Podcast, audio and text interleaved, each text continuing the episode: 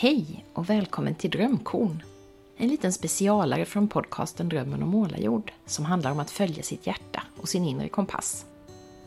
Jag heter Maria Estling Wannestål och sedan jag startade podden 2015 har jag spelat in massor av samtal med en rad kloka och intressanta människor. Drömkornen är små guldkorn från tidigare avsnitt.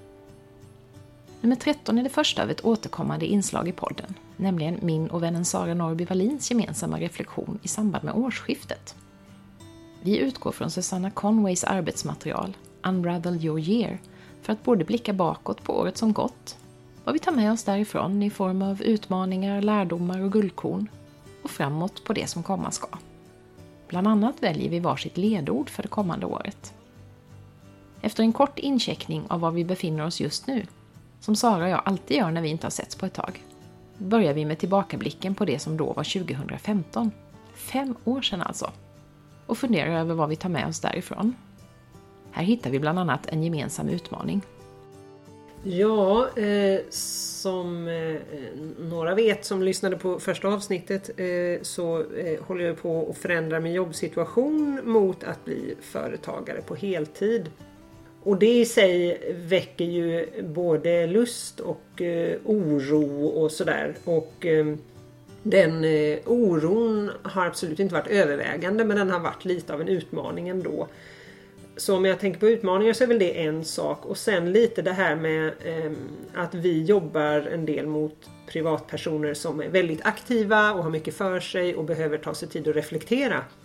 Eh, men det är inte alltid de tar sig den tiden till vår stora besvikelse och kommer på alla våra fantastiska evenemang och det har väl också varit en liten utmaning. Men det tycker jag vi hanterar bra och klurigt och går vidare med. Eh, ja, vad jag har lärt mig. Jag har tänkt lite på det, det här just med att, eh, att hantera den här oron, att låta den få vara där men ändå hitta sätt att inte låta den ta makten över mig känner jag att jag har kommit lite vidare med. Så det är väldigt, det är ju en gåva i sig. Mm.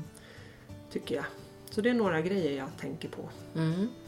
Och det känner jag igen väldigt mycket för jag har också haft ett år, nu har jag ju varit företagare på heltid lite längre än dig. Mm. Och hade väldigt mycket sötebrödsdagar de första åren där när allting bara var en sån där eufori, lite smekmånadskänsla att det är så himla roligt allting och jag har sån frihet och så. Eh, men det har nog lite grann kommit ifatt mig det här året att ja, ja, just det, men jag ska ju försörja mig också. Eh, plus att jag ju bestämde mig här nu i höstas för att ta ett stort steg till. Jag hoppade ju av universitetet då för tre år sedan, men nu bestämde jag mig att jag ska också sluta med alla sådana uppdrag som har med mitt gamla liv att göra. Alltså ut och föreläsa för lärare och skriva den typen av böcker som jag har gjort tidigare och så. Eh, hålla kurser, jag har jobbat på Göteborgs universitet för sista gången nu i höst. Och det väcker ju såklart lite oro när man plötsligt ska kasta loss ännu mer och, och, och se om det bär. Men jag känner igen samma sak som du beskrev här, det här att uppmärksamma oron, eh, se att den finns där. Också insett att den kommer vara en del av mitt liv som företagare. Det är ju så, har man inte en fast anställning så eh, Även om det kan hända saker med den, man kan bli uppsagd och så vidare, så, så finns det ju en annan trygghet i det. Naturligtvis. Och det, det är ju viktigt att tänka på, tycker jag överhuvudtaget, när man, när man förverkligar en dröm, att det finns alltid baksidor också. Det är inte alltid bara roligt att göra det man, det man tycker om och brinner för. Det, det finns en, en, annan sida som vi har tagit upp i några avsnitt här, det här med att man till exempel som företagare måste sälja saker och marknadsföra och så vidare, som kanske inte alls är det man tänkte sig när man, när man hoppade av. Men jag tycker också, jag, jag, känner att jag tar med mig från 2015 att jag har blivit lite bättre på att, att acceptera att så här är det, det här får jag, får jag leva med, men inte låta det äta upp mig. Så det, det ser jag både som en utmaning men som också har lärt mig någonting om mig, mig själv, att jag kan ha den där oron men, men um, den behöver liksom inte ta över, den behöver inte hindra mig ändå från att, att göra det där som jag tycker är viktigt och roligt. Som jag tidigare nämnde väljer vi också alltid varsitt ledord för det kommande året. Ja, jag har eftersom vi har hunnit eh, hantera det här vid olika, eh, några olika samtalsgrejer och så, så har jag haft verkligen tillfälle att reflektera vilket har gjort att jag eh, faktiskt bytte ord från det första jag kom fram till och det är ju alltid lite spännande och busigt att göra det. eh, men det blev perspektiv och i ett av, en av de samtalscirklar och så där vi har pratat ordet för 2016 så var det faktiskt någon annan som också hade valt det ordet. Mm. Och eh, beskrev ytterligare aspekter av det. Och, och, en del tror jag är just det här att kunna kunna samtidigt som jag sitter där och verkligen är mitt i, i det här fallet, den här oroskänslan så kan jag också skifta lite perspektiv och ställa mig, räcker att jag ställer mig borta vid diskbänken där och tittar på mig och tänker okej, okay, vad är det bästa sättet att gå vidare nu? Jo, det är att acceptera oron, inte lägga energi på att trycka undan den utan att lägga energin på att göra det jag tycker är viktigt. Eh, så det är en aspekt av perspektiv, det här med att både kunna vara närvaro, växla mellan väldigt stark närvaro, som nu när vi sitter här och pratar, och samtidigt distansen i att ja, herregud, vad gör det här om hundra år? Mm. Vad händer om jag inte får mina fantastiska företagsuppdrag som jag vill ha? Nej, men då kan jag väl hanka mig fram ett tag på något annat. Det löser sig säkert.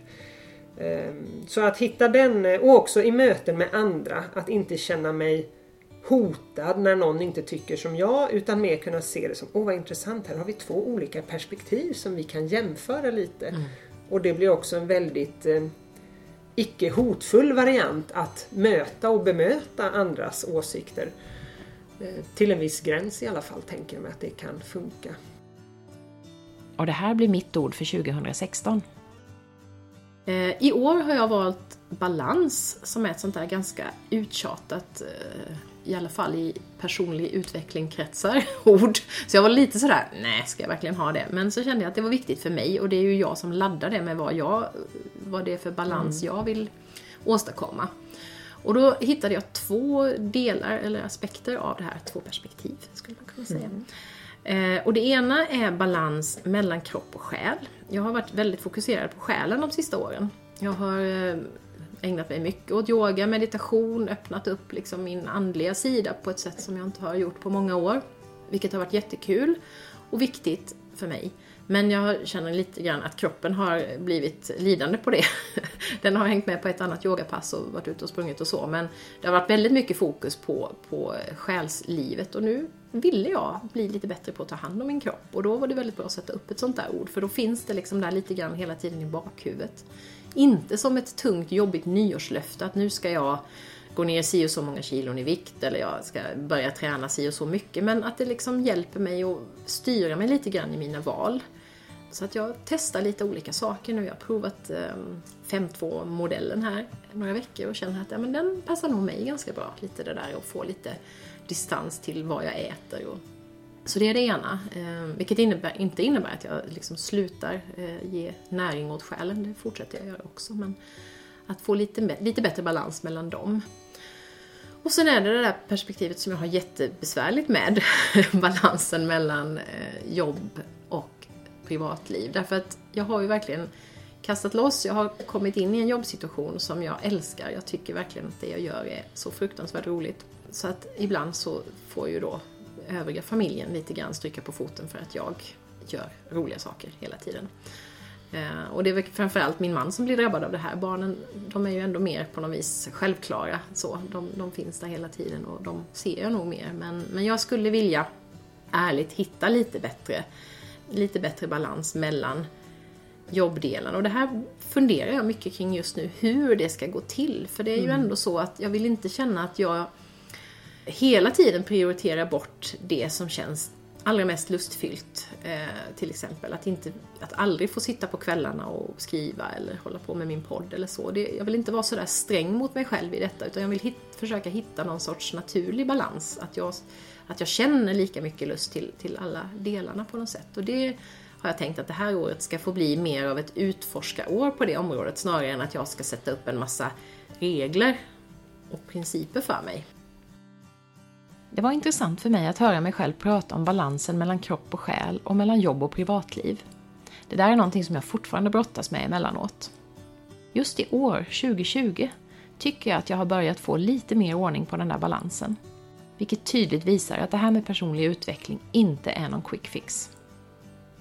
Om du vill lyssna på hela samtalet med Sara hittar du det i de flesta poddappar. På iTunes, Acast, Soundcloud, Spotify eller på poddens egen webbplats, romanomalajord.se. I nästa drömkorn möter vi livscoachen Eva Wigenheim som berättar om den inre resa hon gjorde efter att ha bytt ut sitt glamorösa Stockholmsliv mot att jobba med fattiga buddhistmunkar på ett tempel i Laos. Tack för att du har lyssnat och hej då!